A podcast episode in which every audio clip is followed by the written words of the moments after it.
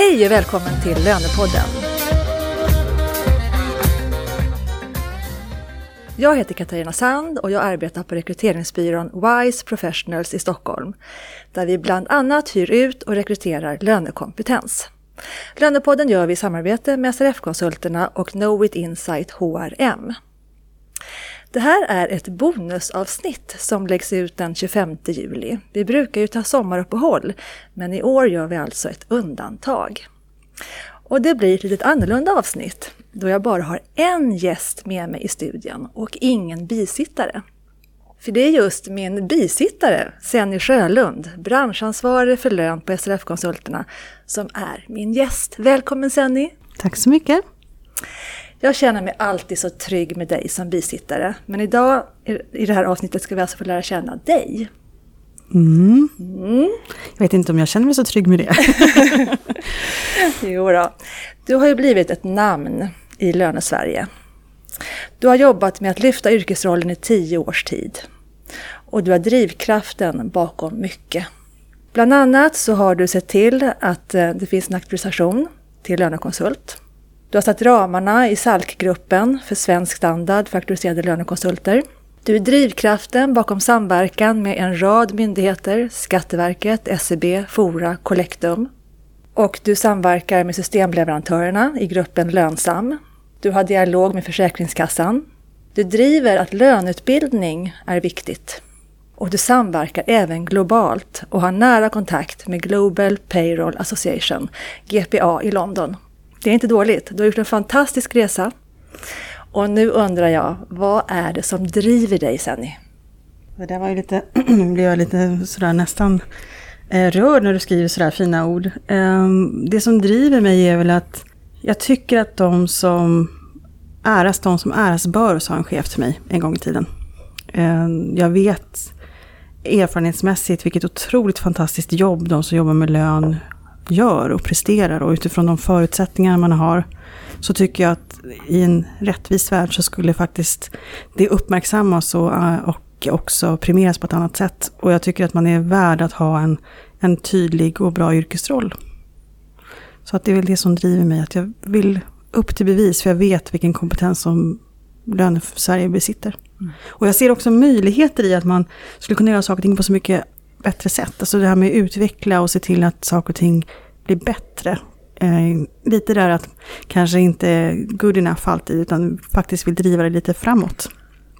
är en drivkraft. Att jag ser eh, möjligheter tror jag är en sån sak som driver mig ganska mycket. Det är lite kul att du säger så, för att det är precis så en nära kollega till dig säger.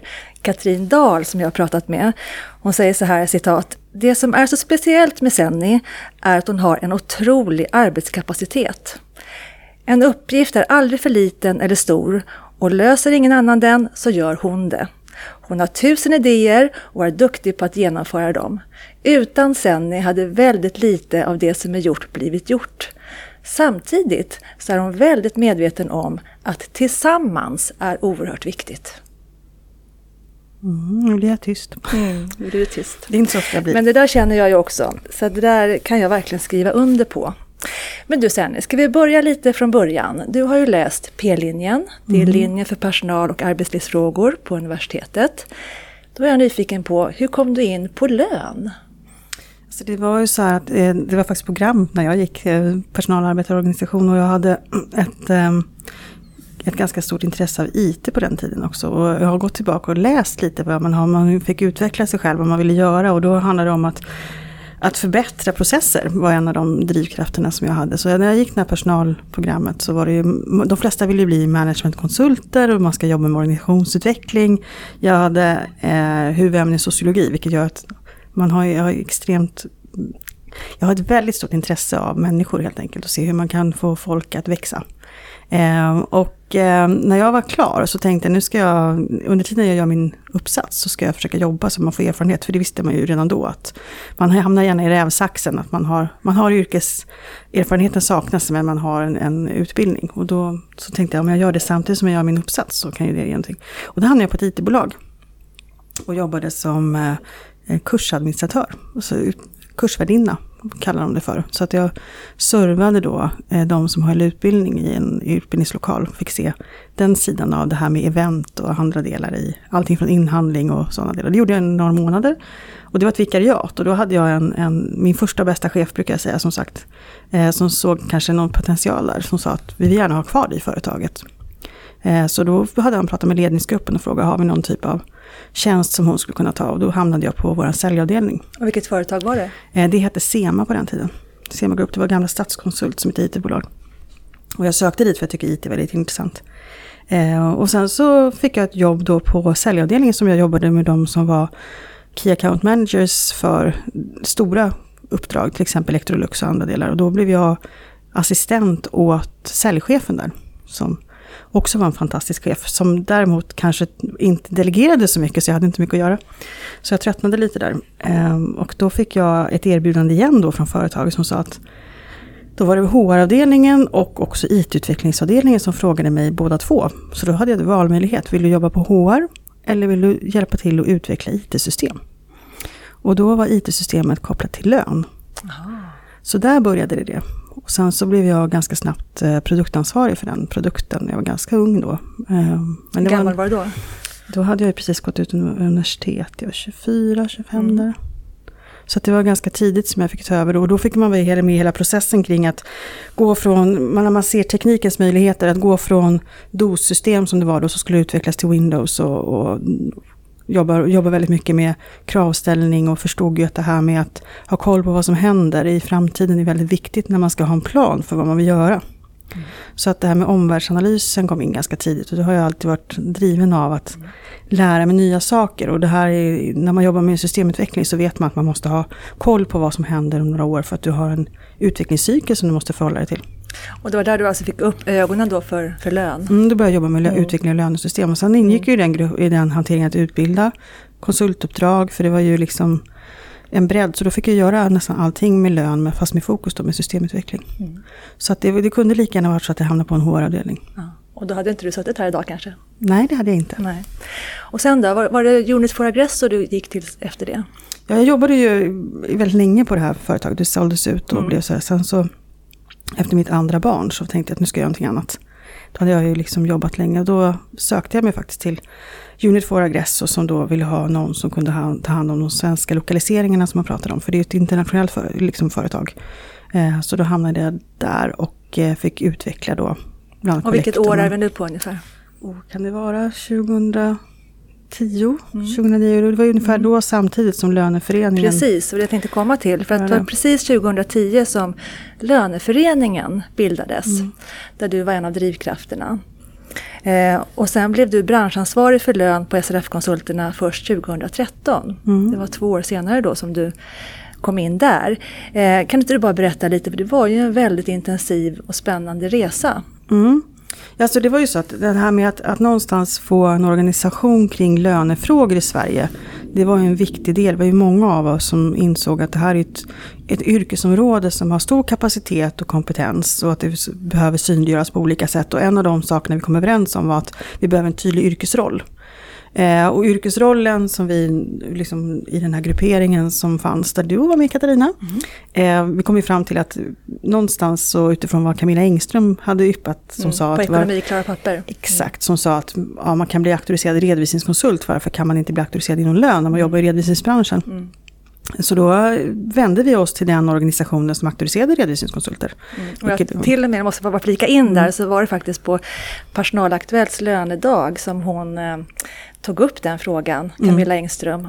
Eh, och det var en dag som jag arrangerade på den tiden. Så det är lite roligt hur, hur allting faller samman. Ja, du och Andreas, hade ju. Andreas Lindberg hade ju väldigt stor del i att eh, få igång löneföreningen och den den plattform som skapades genom Personalaktuellt. Annars hade vi inte heller fått den, det gehöret i, i omvärlden. Så det var ju ett väldigt intressant eh, koncept det ni hade med tidningen och den här lönedagen. Tack för det sen, men nu ska vi inte prata om mig, nu ska vi prata om dig.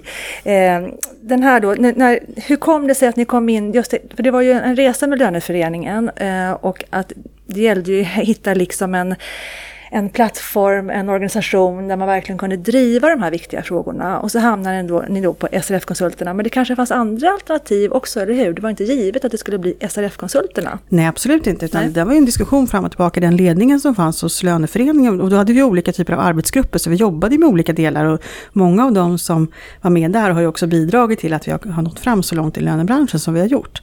Eh, men det som var vinsten med det här, det var ju Mikael Hasselborg som tog första kontakten då med SRF-konsulterna. Det var ju... Och då jobbade han på Iterum som ja, är eh, yrkes, yrkeshögskoleutbildare till lönespecialist bland annat. Ja, mm. och han eh, tog första kontakten. Sen blev vi, var ju han borta ett par år, eh, Mikael, och då fick jag ta över ordförandeskapet. Eh, och det var under den tiden som det blev väldigt mycket diskussioner då med, med SRF-konsulten, som då hette Sveriges redovisningskonsulters förbund, ska vi säga. Eh, och eh, när det här då kungjordes då med hela löneföreningens styrelses liksom goda minne, det var inte så att vi gjorde det på eget bevåg, utan det var ju ett gemensamt beslut. Då var det lite David och Goliat, eh, för att vi satt ju då i löneföreningen med inga medlemmar.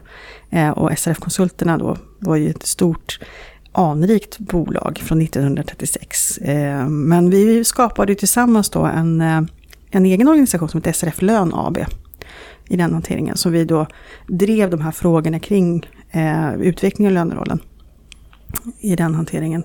Eh, och jag kommer ihåg att en av de absolut starkaste kritikerna till att vi gjorde på det här sättet, det var en, en person som var välkänd i löne-Sverige, Kristina Kalén, som är någonstans mamma lön skulle jag säga, som har gjort otroligt mycket för lönerollen också. Och hon sa sådär när jag hade första, sam, första samorganisationen med Fredrik Dahlberg då som var förbundsdirektör så var vi på FEI kommer jag ihåg och så sa hon så ja jag förstår inte hur ni kan gå, gå, liksom gå med på det här att vi ska nu hamna under redovisning igen.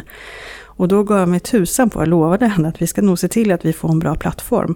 Att vi inte ska hamna under. Och Fredrik var lyhörd där så att han, eh, när man sen valde att anställa på SRF Lön AB så tillfrågade han mig om jag kunde tänka mig att jobba där. Eh, när det sen blev en fusion med resten av SRF så var man tydlig med att sätta till två branschansvariga så att man skulle ha fokus lika mycket lön och redovisning. Då. Mm.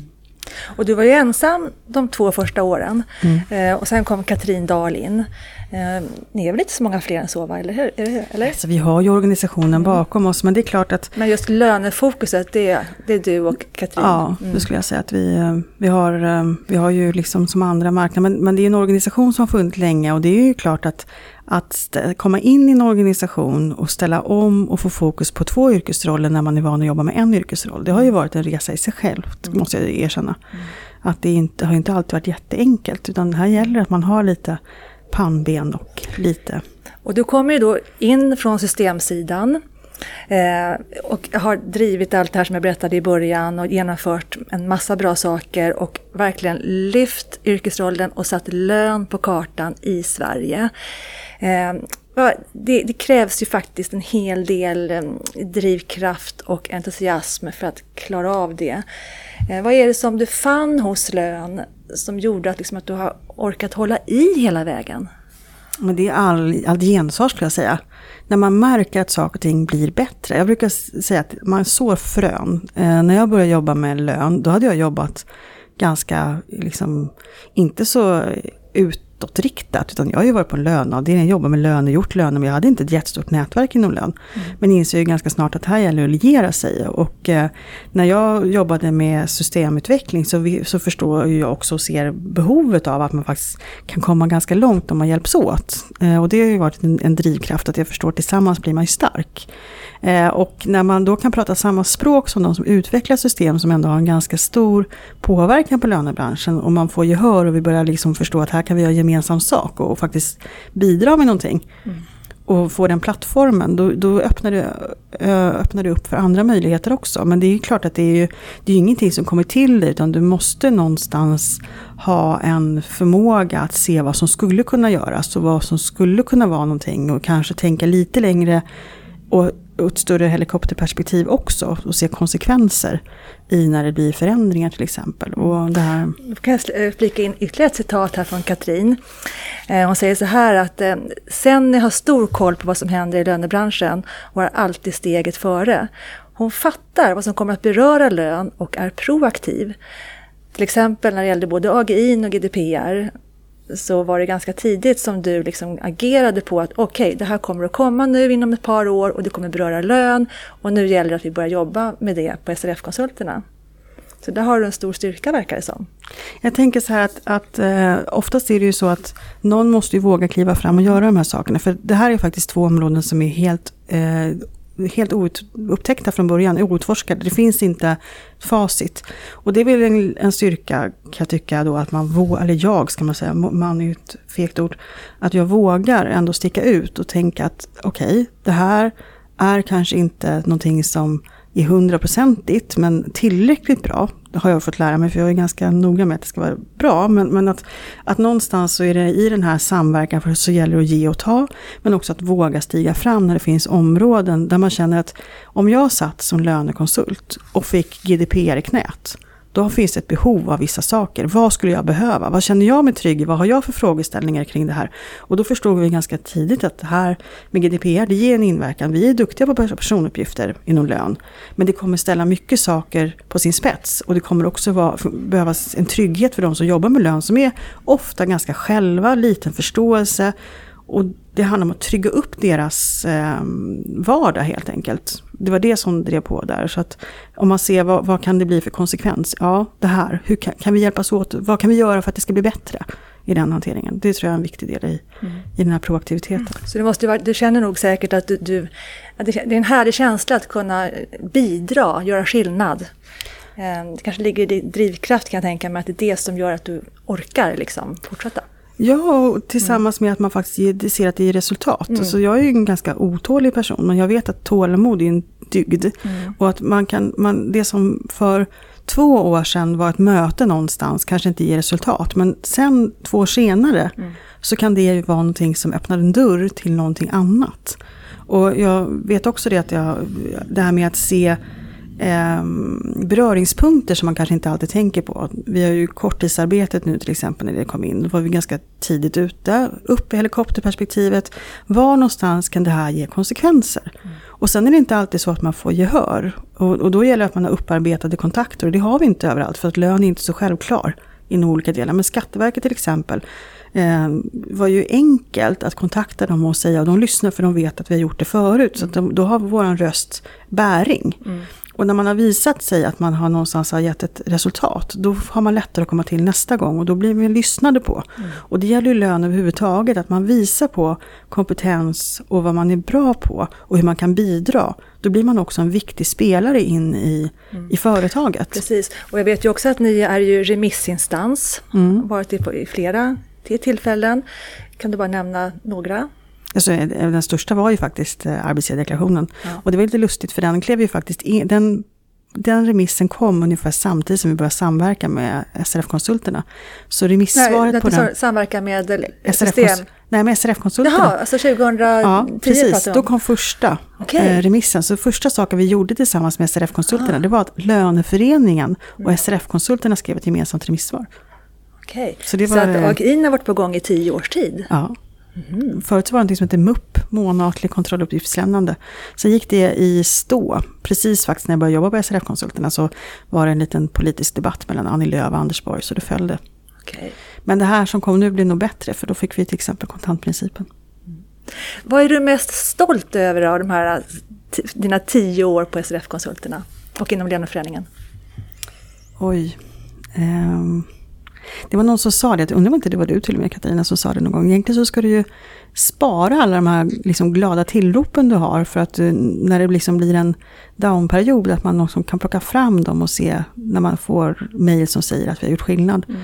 Eh, och, och, det är jag ju lite dålig på för jag ser nästa mål oftast, vad ska vi göra nästa del? Så att det här med att vara titta bakåt kanske inte är det jag alltid gör. Um, Men om du tänker på kanske auktorisationen, SALK, ja, de här samverkansplattformarna? Mm. Ja.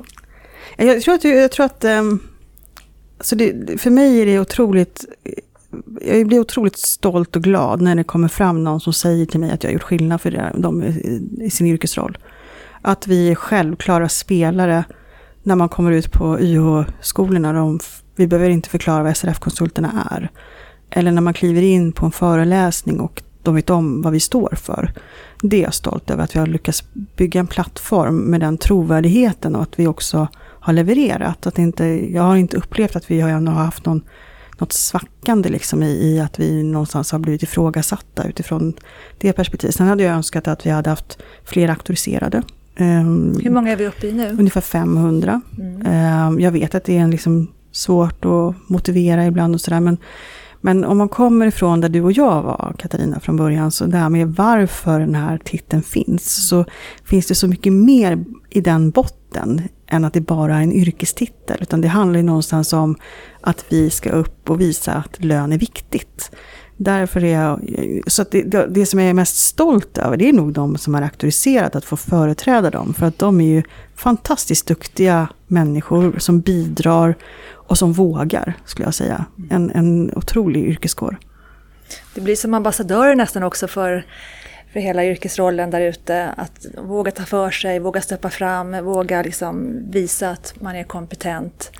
Jag tror det är eh, jätteviktigt och ja. sen att våga credda varandra. Mm. Att, sådär att, att man går ifrån det här att, att det liksom det finns ingen revir. Och jag tycker det, det, det, det, är en sån sak som du nämner det här med SRF Lönsam. Det är ju, när jag jobbade med systemutveckling trodde jag väl aldrig att alla Sveriges systemleverantörer som är konkurrenter, ganska hårda konkurrenter för en liten marknad, sitter tillsammans och diskuterar på det sättet man gör. Mm med de förutsättningarna som är, där vi faktiskt är kollegor. Mm. Det är verkligen uppenbart så att... Hur ofta träffas ni då? Ja, vi, alltså den, här, den här perioden, nu under ja. våren, vi har ju haft eh, avstämningsmöten nästan var tredje dag. Eh, utifrån korttidsarbete och andra delar för att någonstans eh, liksom få ihop det här. För att liksom hitta hur man kan, eh, att man blir liksom en likriktning i systemen, ja. det är det som är poängen då? Ja, att vi, att man, vi har ju samma problematik och, och den möter ju mm, flera. Och nu senaste tiden så har ju korttidsarbetet varit en sån sak som är väldigt mäckigt. Och då har vi också lyft till oss att vi har Draftit och Simployer som är med i den här grupperingen för att vi ska få en samstämmighet. För det innebär att om du jobbar med lön så känner du trygg i att man gör likadant. Sen kanske vi inte, tillbaka till det här, vi har ju inte facit. Så det är såklart att saker och ting kan behöva justeras och så. Men är man konsekvent och dokumenterar så har man kommit långt. Om systemleverantörerna har samma approach på saker och ting, då blir det enklare för hela lönesverige att följa upp. Mm. Och det ger också en tyngd i att vi faktiskt räknas och kan vara med och påverka mm. i andra sammanhang. Kan du ge exempel på det? På när vi kan vara med och påverka? Ja, lönsamgruppen. Ja, alltså Hagin kommer vi tillbaka till då, men den här att vi fått fram en branschkod på, med de förutsättningar för fram en, en, en branschkod för korttidsarbete digitalt. Vi hade ett fysiskt möte, för vi var på den här frågan redan, jag tror det var 13 mars, hade vi första mötet när vi diskuterade korttidsarbete. Eh, och sen få fram den i digital form, alltså via, vi har haft, eh, vi har haft eh, Teamsmöten i princip, och få fram en produkt det tycker jag är det senaste som jag kan dra mig till minnes som jag är väldigt stolt över att vi har lyckats och att vi har fått en den, och att Skatteverket till exempel då, när det här med nedsättning av arbetsgivaravgifterna det blev aktuellt, då var det givet att vi fick en sittning med dem. Då hade Skatteverket fick eh, meddelande från Finansdepartementet på onsdagen eftermiddagen att det här skulle genomföras och fick lite förhandsinformation. Torsdag eftermiddag, då har vi möte med Skatteverkets ansvariga för AGI och systemleverantörerna, vilket gör att på fredagen då vet vi eh, i Sverige hur vi ska hantera den här uppgiften. Eh, även om det inte gick att implementera liksom hela lösningen hela vägen i systemen så hade man en workaround, man hade en möjlighet att hantera det här. Och då, då, då blir det en väldig belöning ja, i att allt slitet alltså. som är gjort för AGI, all samverkan, mm. allt det här vi har jobbat och, och att man tillsammans gör en lösning som faktiskt gynnar alla i Sverige. Det, det, var, det är sånt som kan ja, då få får en... Man liksom, då stå, får man ståpäls. Ja, men det, det är häftigt mm, att få vara med. Häftigt. Eh, och det är mm. liksom nyligen, men det, det händer sådana saker. Mm. Berätta om något mer sånt som ni har gjort. Alltså GDPR var en sån sak, alltså de här stora tunga sakerna. Vi gjorde likadant med karensavdraget i den här hanteringen. Eh, men också sånt som är på gång, där man är med myndighetssamverkan. Vi jobbar ju mycket med pensionsadministratörerna och liksom det här med nu sen sitter jag, jag är ju inte, jag är inte bara branschansvarig lön på SRF-konsulterna, utan jag är ju enhetschef också för våra fantastiska experter. Eh, och i den rollen så är jag ju med och får, får föra fram löns talan på ställen som vi kanske inte hade fått plats annars. Eh, till exempel när man har möten med GD på Skatteverket och andra delar. Så vi kan ju lyfta de här frågeställningarna på ett annat sätt. Eh, men, men det är också till exempel då delaktighet i intresseföreningar kring eh, Nordic Smart Government. Eh, det som vi har pratat om en del, att det liksom kan komma med standard business reporting, att man sätter ett större perspektiv och också får de som kanske vanligtvis inte jobbar med lönefrågor, att få upp ögonen för att det här skulle kunna bli någonting som blir väldigt, väldigt bra. Och där har vi sådana som SCB och Medlingsinstitutet och Fora och andra på spåret. De börjar förstå det här och tycker att okej, och de vet att det finns en motpart som faktiskt kan hjälpa till. Och där tror jag vi bidrar väldigt mycket. Och det, det är kanske sånt som inte syns, men som kommer ge resultat framöver. Och, så det är inte så att man behöver Allting behöver inte synas hela tiden. Sen Nej. förstår jag att man undrar, så händer det någonting ibland och sådär. Men, men vi försöker verkligen verka på, på lång sikt och då, då ger det inte resultat alltid imorgon. Mm. Jag var faktiskt med, vi hade ett möte, jag behöver inte nämna vilka det var nu, men du och jag hade ett, ett möte med eh, ett par arbetsgivarorganisationer här nu i våras. Eh, där vi vid sittande bord, alltså när, när man förstår, när, när, man ser deras ögon hur de får liksom nästan en aha-upplevelse kring, eh, aha, är det så här lön funkar? Jaha, det vi bestämmer, det kommer påverka löneavdelningen på det här sättet.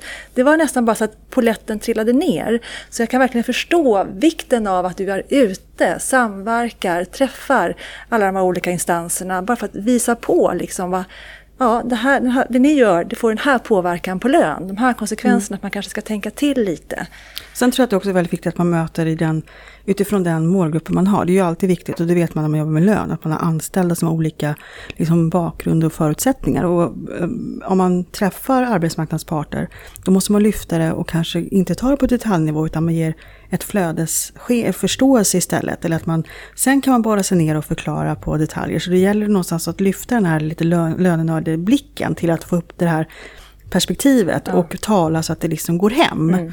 Det tror jag är en, en viktig framgång och, och, där har vi ändå, tycker jag vi har lyckats i det med, mot myndigheter och, och det är ju ganska hedersamt när man får bli inbjuden till Eh, när SCB, e Medlingsinstitutet, Sveriges Näringsliv och andra har ett intressentråd och så får vi stå där, eller jag då faktiskt får stå och ja. prata om hur löneprocessen påverkas av till exempel kommande, det här med ersättningsgrundande inkomst.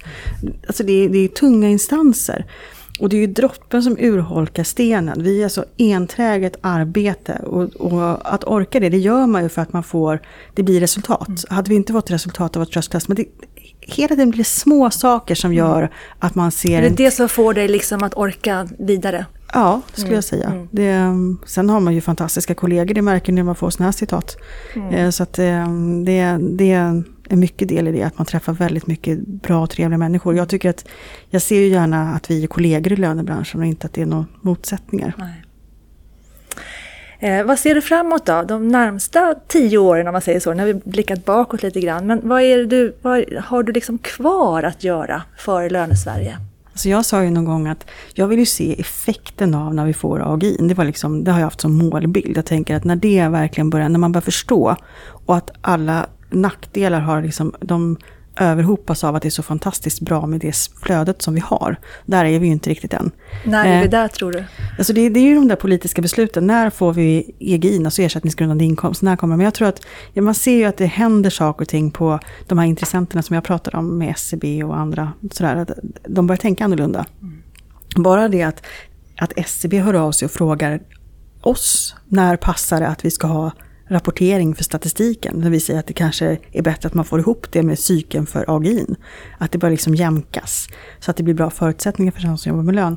Så jag, jag, skulle gärna vilja se det här. Sen tycker jag att det är spännande det här med, med standard business reporting. Att, man, att, att få effekten av att Sverige kan vara konkurrenskraftigt på ett sätt. Eftersom lön är en stor kostnad på företagen. Vi vill ha bra förutsättningar för företagarna. Och vi vill också att de som jobbar med lön ska må bra samtidigt som de som får lön har det bra här och nu men också i framtiden. Vi har ett väldigt ansvarsfullt jobb eh, med väldigt mycket duktiga människor. Men vi måste också ha förståelse för att saker och ting förändras. Så att yrkesrollen är i stor förändring, får se vad som händer där. Tekniken, jag är lite teknikdriven, tycker det är jättespännande att se vad vi kan få ut av att vi har tekniskt stöd i API mot andra myndigheter, återanvända informationen och sådär. Och det tror jag, det kommer komma inom tre, fem år så kommer vi se effekten.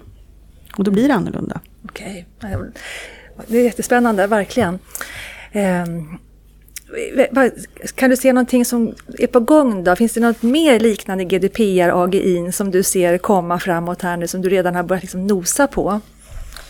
Så det, det kommer ju hända mycket med arbetsmarknaden. Um, om man säger, nu kom det bara för några veckor sedan då kan man väl säga, så kom det eh, kring eh, arbetsvillkorsdirektivet som har kommit från EU, där man liksom stärker upp. Och vi har ju arbetsmarknadsmodellen i Sverige lite ifrågasatt, försöker man stärka upp den.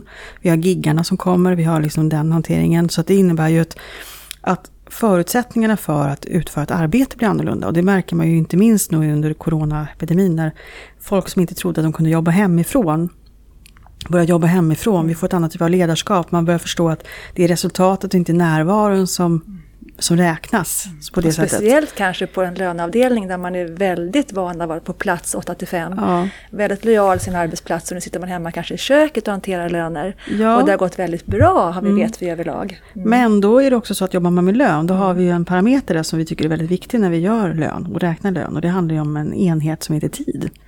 Eh, och det, det, tror jag kommer bli en utmaning framöver när vi jobbar på ett annorlunda sätt. Särskilt när coronan har någonstans drivit på den processen snabbare med digitalisering men också det att, att det är okej att man kanske inte har arbetstider så länge man jobbar. Liksom sin, alla kommer ju aldrig hamna i det läget för vi måste ju ha de här heroiska sjukpersonal, till exempel som måste vara på plats. Men om man tittar på många arbeten kommer det se annorlunda ut. Och då blir ju det en viktig del i hur ska vi kunna, vad blir det för ersättningar för dem helt enkelt? Vad blir lön? Och hur kommer lön utvidgas? I det här ehm, eh, direktivet så stod det också om det här kring kompetensutveckling. Alltså det här med att man, man ska som arbetsgivare och anställd ta ett större ansvar för att man faktiskt håller sig fortbildad. Det tycker jag är en jätteviktig del i både yrkesrollen lön men generellt att man har ett ansvar själv och se till att man är anställningsbar framöver. Eh, och det måste man drivas av att vara med i förändringar. Och sen behöver man inte vara först på, först på allting men man måste ändå vara medveten om att vi lever i en förändlig värld. Och att eh, arbeta tid tror jag är en sån sak som kommer att vara svårgreppat eh, i, i framtiden. Jag vet, pratade faktiskt med en, en släkting häromdagen som jobbar på en myndighet. Och då har de börjat tänka om helt kring att jobba hemifrån. Det fanns liksom inte på världskartan först och nu har man börjat tänka så här, okej okay, du kan få ange om du vill ha din arbetsplats hemma eller på kontoret. Mm. Så Redan din, alltså? ja, din huvudsakliga arbetsplats, ska den vara på, ska den vara på kontoret eller är den, hemma, är den hemma? Och det sätter ju andra förutsättningar utifrån löneperspektivet. Hur gör man då ett karensavdrag? Eller är man ens sjuk? Alltså, så det är de frågorna tror jag. Och de kommer, vi, som du hänvisar till det här äh, mötet som vi hade med arbetsmarknadsparter, så vet vi att de diskuterar också de här frågeställningarna. Sen är det ju en jättestor apparat att dra runt och förändra där. Mm. Eh, men där måste ju, där är det viktigt att lön är med. Mm. Så att det inte fattas beslut som inte är görbara. Så vi inte får varianter av flexpension som känns helt orimligt att kunna hantera. Och därför är det så bra när det blir de här ingångarna som vi hade nu, till exempel genom att vi skulle varit med på Inspiration Lön då, med paneldebatten. Mm. Vi ska runda av sändningen. Eh, vad är det du skulle vilja säga till alla där ute nu som arbetar med lön? Det är mitt i sommaren, den 25 juli. Man har haft en rätt tuff vår här nu med coronan bakom sig. Eh, hösten ser ganska osäker ut. Vad vill du skicka med till lyssnaren? Först så måste jag säga att eh, nu har gått igenom en otroligt tuff period. Säkerligen både privat och i arbetslivet. Mm. Och det, det, kan man inte jämföra, man kan inte veta vad som händer och vad som kommer.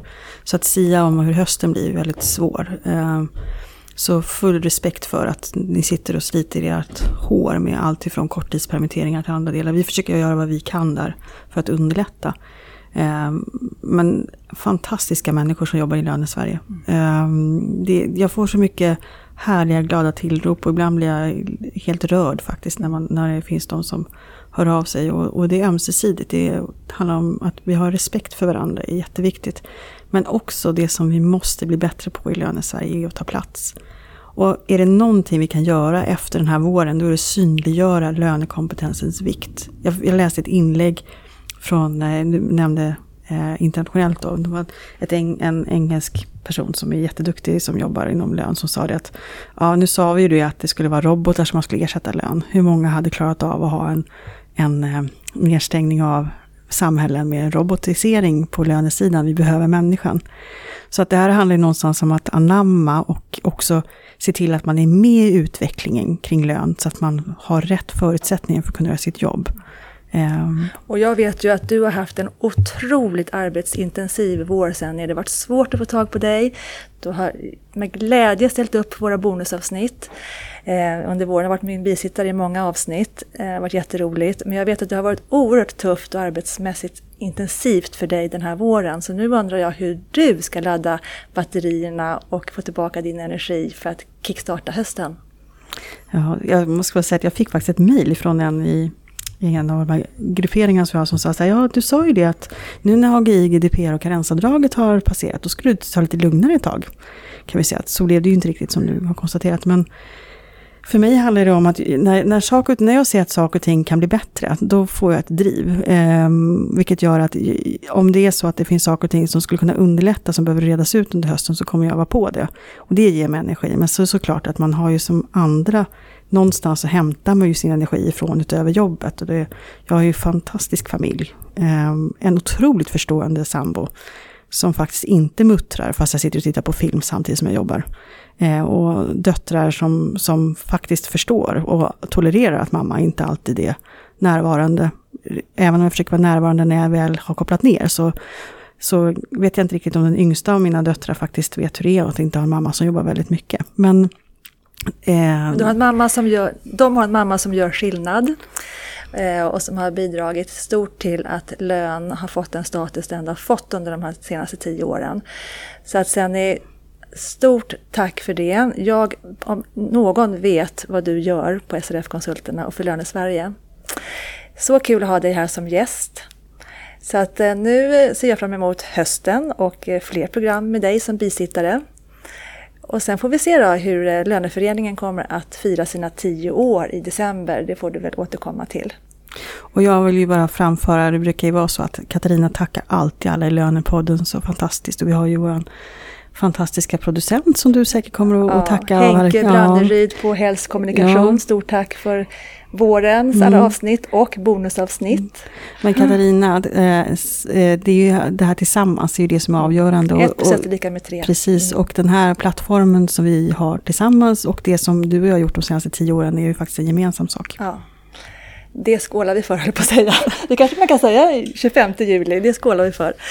Okej, då säger vi så. Ha en skön sommar allihop där ute så hörs vi den 25 augusti igen. Hej då! Hej då!